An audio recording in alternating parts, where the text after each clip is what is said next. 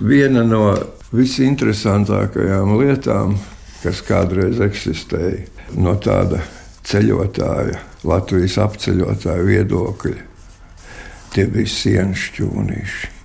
Savulaik braucot pa pedēdzi, braucot pa aiviekstu, braucot pa salacu vai gauju, eh, nebija vajadzības meklēt kaut kādu telti vai, vai naktsmītni, jo katrā pļavā bija savs sienas šķūnīts. Mana jaunība saistās ar padomu laiku. Tad jau nevienam vairs atļauja neprasīja. Būtībā viss tā ceļošana jau sākas tikai 30. gados.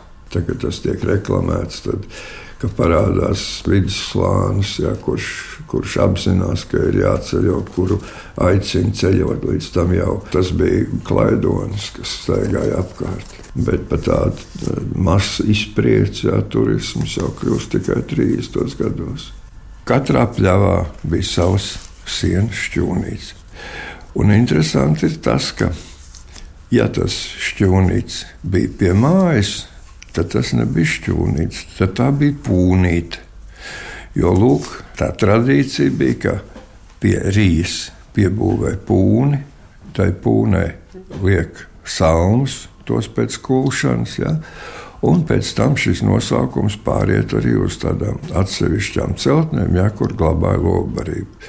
Nu, lūk, un tad ziemā, kad iestājās kamana ceļš, jeb ragau ceļš, tad varēja aizbraukt uz šīm tālajām pļavām un sienu no tiem šķūnīšiem pārvest.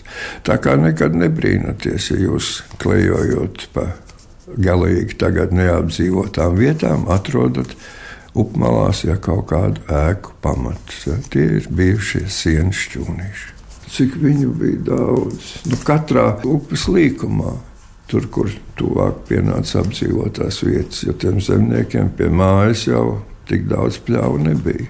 Un tāpēc viss tas, ko mēģina, piemēram, saglabāt tās palienu pļavas, Tas jau ir izveidojušās civilizācijas rezultātā. Jā, tātad, ja viņas tika regulāri pļautas, viņas tika nu, drusku varbūt noganītas, bet galvenokārt nopļautas jā, un pārvestas. Un tagad, lūk, tur pie gaujas mēģina ja šīs palienu pļavas tādā veidā saglabāt, ja viņas mm, audzējot mākslīgi tur, tos meža zirgus vai meža govs.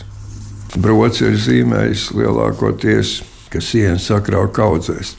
Un tas viss ir uh, saistīts ar tiem zināmā mērā ekonomiskiem apstākļiem. Kamēr cilvēks bija dzimzemnieks, un šīs pļavas varbūt regulāri pārdalīja, un kamēr tas nebija īsti viņa īpašums, ja, tikmēr šos šķūnīšus nebūvēja. Bet mācīja ļoti perfekti sakraut kaudzes. Kaudzēm, protams, apakšā likt zara paklāja, lai tā apakš nepūst.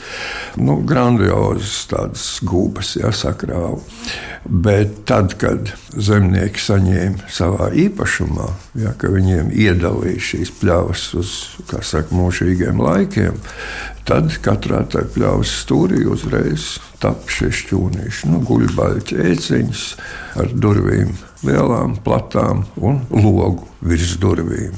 Un tad, kad piekrāmēja to šķūnīti, apakš viss, ja, aiztaisīja durvis cietkārtīgi no ārpuses aizspied un tad met to sienu iekšā līdz augšējo lūku, ja, kamēr bija līdz pašai korei. Nu, pēc tam jau Ziemā ļoti vienkārši bija visu to dabūt ārā. Katrā ziņā tā bija jauniem cilvēkiem liela izpriece, es domāju.